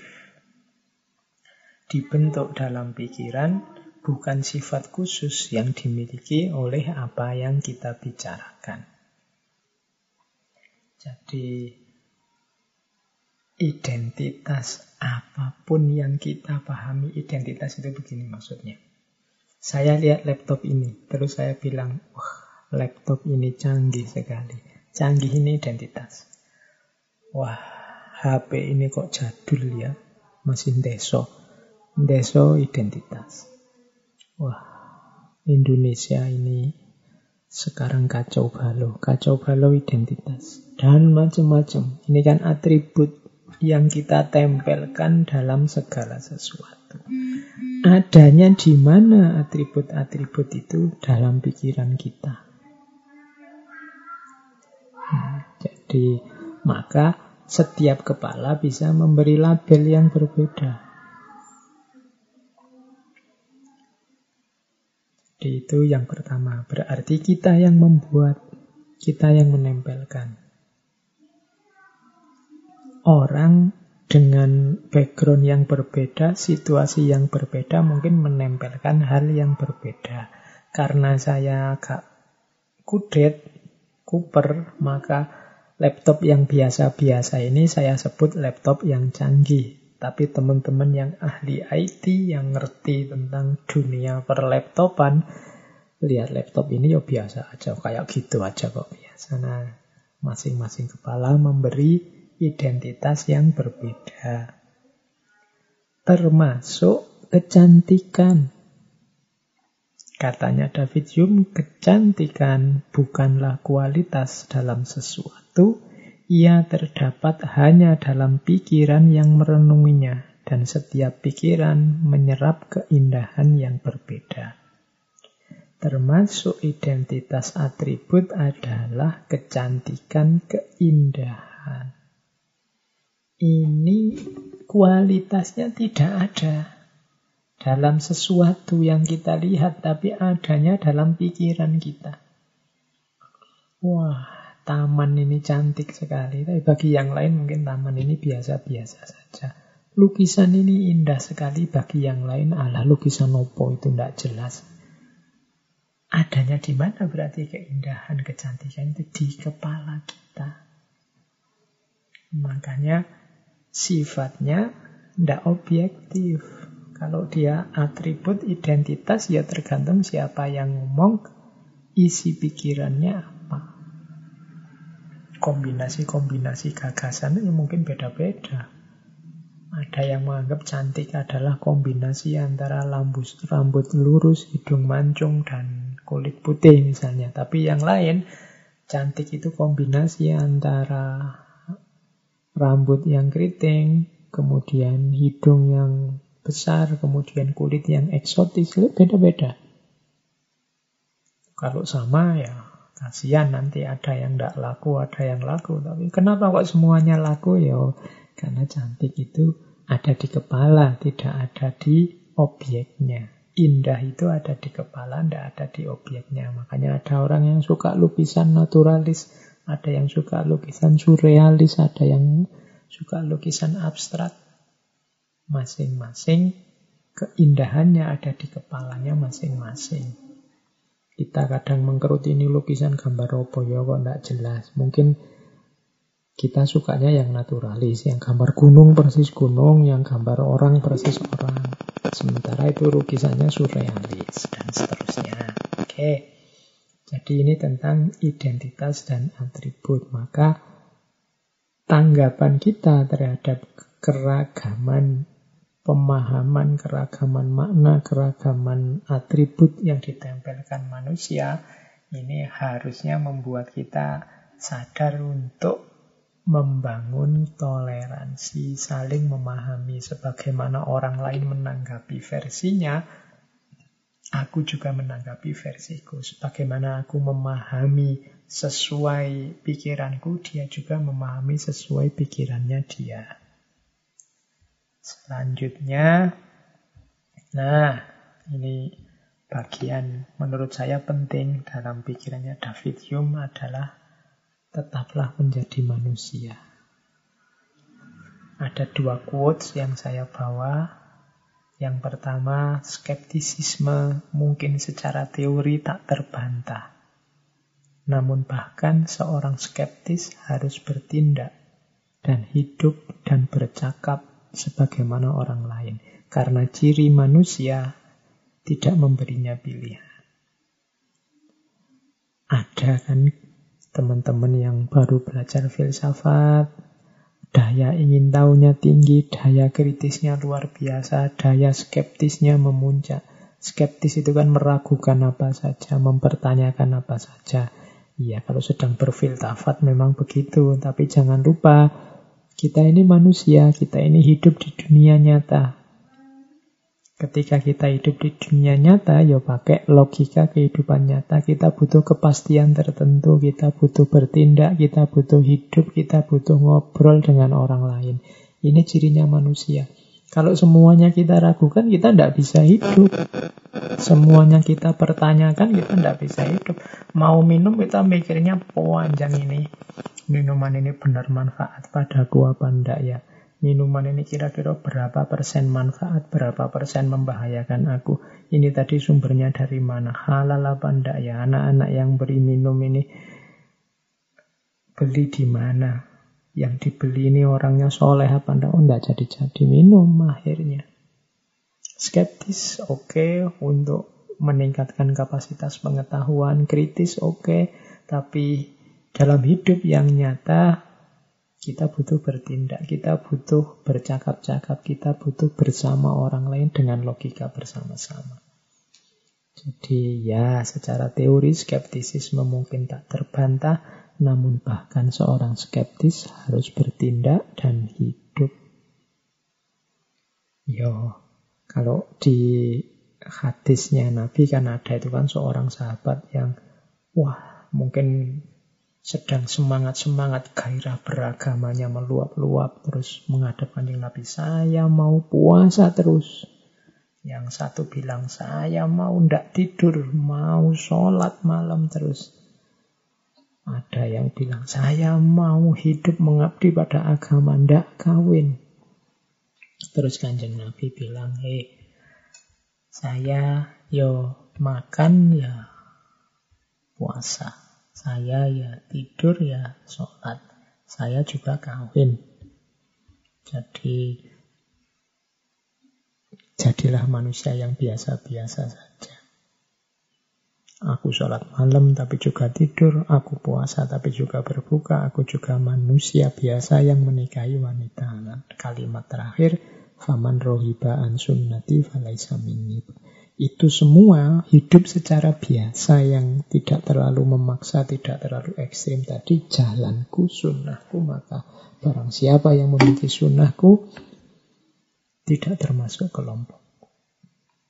Nah, itu mungkin analog dengan quotes-nya David Hume ini. Yalah, filsafat ya filsafat.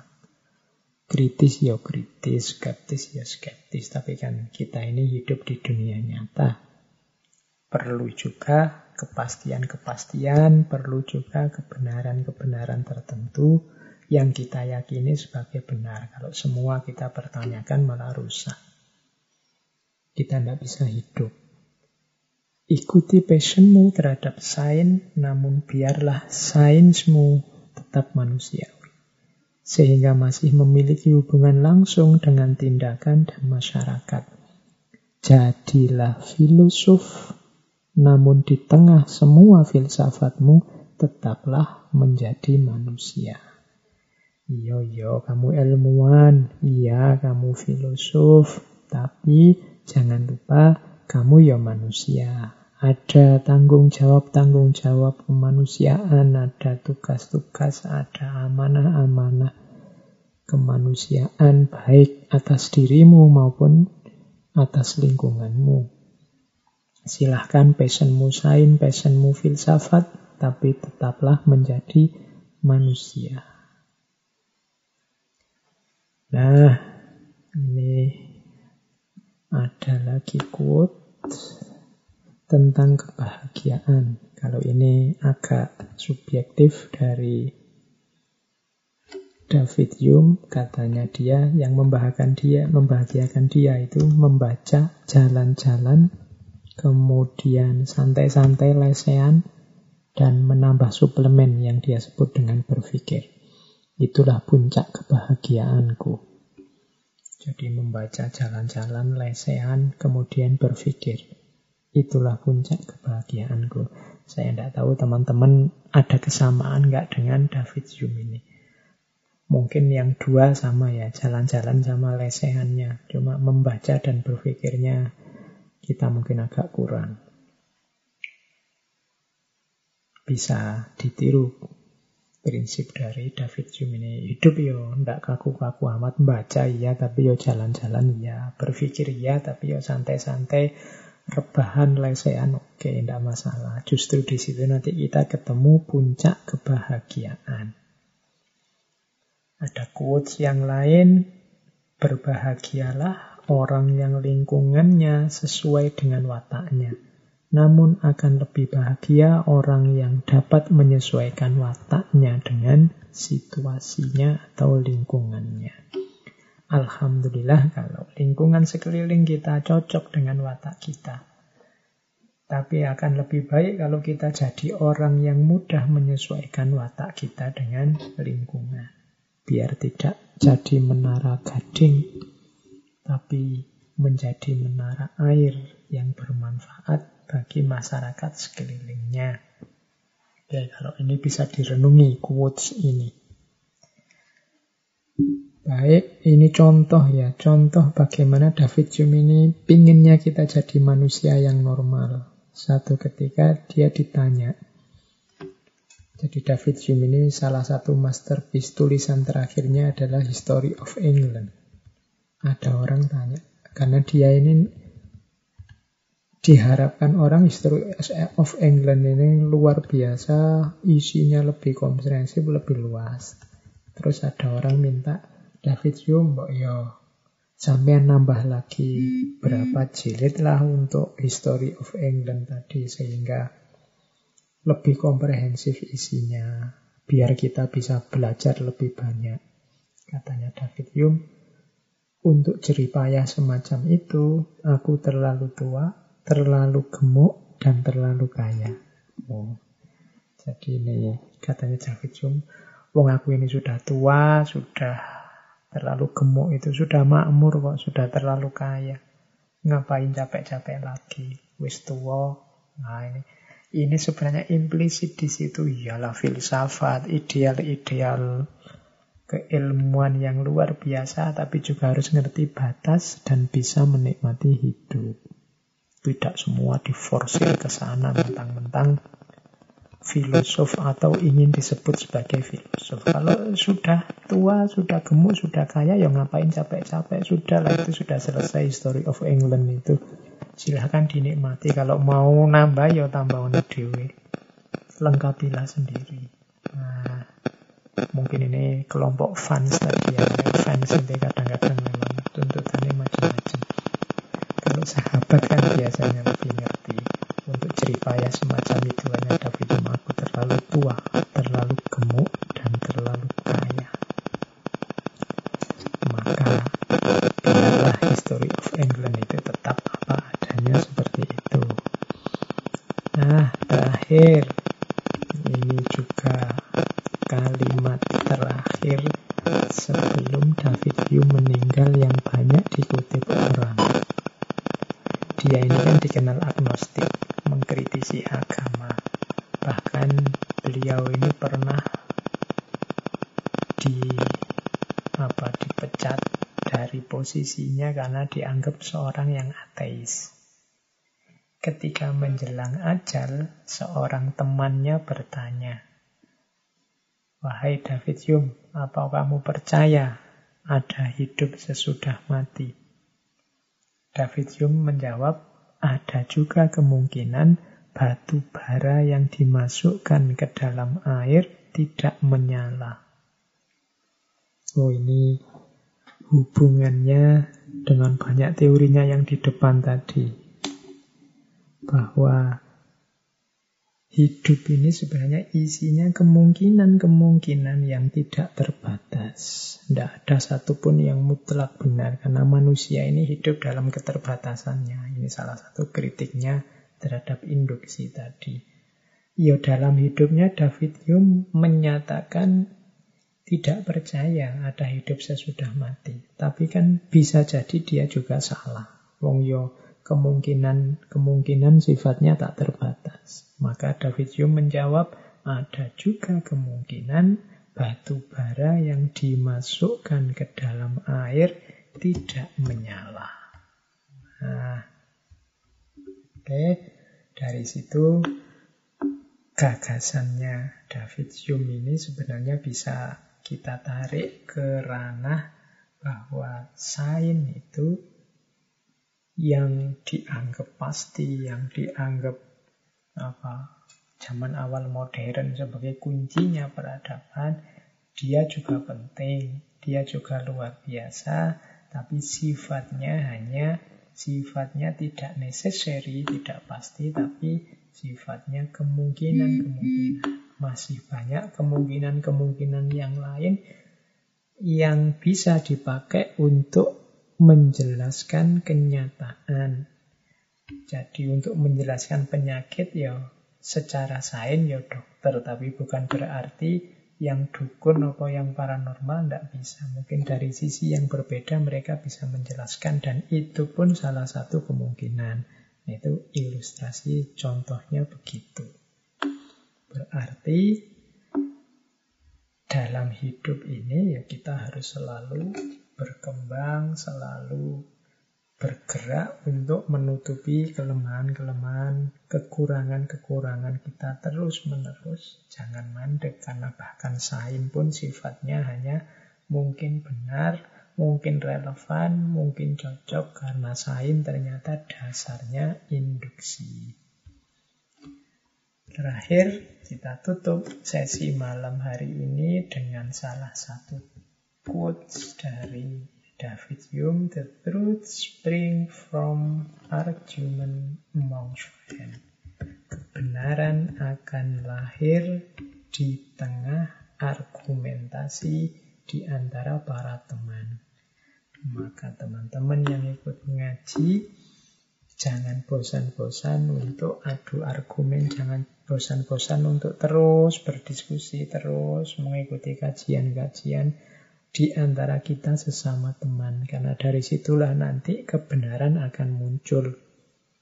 obrolan kita malam hari ini selama hampir dua jam Mungkin tidak semuanya melahirkan kebenaran untuk hidup kita, tapi satu dua insya Allah ada the truth yang muncul. Obrolanmu dengan teman-temanmu juga mungkin Ya tidak semuanya daging, tidak semuanya isi kebenaran, tapi satu dua kebenaran insya Allah muncul.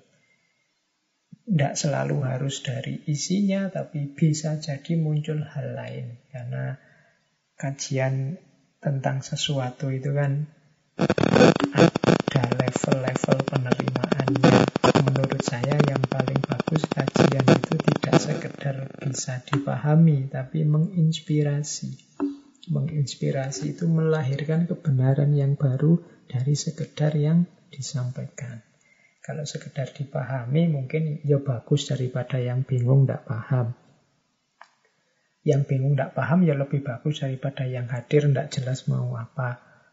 Yang sekedar hadir ya lebih bagus daripada yang tidak hadir dan seterusnya kan levelnya begitu. Tapi yang menurut saya yang paling puncak wawasan atau kajian atau diskusi itu adalah yang inspiring, menginspirasi lahirnya kebenaran-kebenaran yang baru. Satu bulan ini kita sudah belajar tentang filosof empirisisme yang basis berpikirnya adalah realitas kenyataan. Beberapa mungkin kita tidak cocok, tapi semoga menginspirasi Menginspirasi itu melahirkan gagasan baru, kebenaran baru yang bisa saja kebalikannya dari yang disampaikan. Baik, teman-teman, saya kira itu untuk malam hari ini bersama David Hume, salah seorang tokoh besar yang pikiran-pikirannya luas. Silahkan yang ingin menggali lebih jauh pikiran dari David Hume. Minggu depan, Rebu depan, saya sudah janji mau ada sesi sisipan dari berbagai permintaan. Sebenarnya banyak, insya Allah nanti kalau ada waktu kita angkat semuanya. Ada waktu dan saya mampu, insya Allah saya angkat tema-tema usulan teman-teman. Tapi untuk minggu depan saya turuti teman yang permintaannya cocok dengan momennya. Jadi ada yang minta wisdom atau falsafah yang ada hubungannya dengan korban. Jadi pengorbanan dalam agama. Kebetulan minggu depan pas menjelang Idul Adha. Jadi minggu depan insya Allah kita bahas falsafah korban. Ya spesifik tentang nyembelih kambing atau nyembelih sapinya, tapi kita gali makna-maknanya, kita lihat tokoh-tokoh besar bagaimana memaknai kurban. Dan semoga insya Allah minggu depan kita bisa mengangkat itu menjelang Idul Adha. Baik, saya kira itu untuk malam hari ini. Kurang lebihnya mohon maaf. Allahul muwafiq wallahu a'lam bisawab. Wassalamualaikum warahmatullahi wabarakatuh.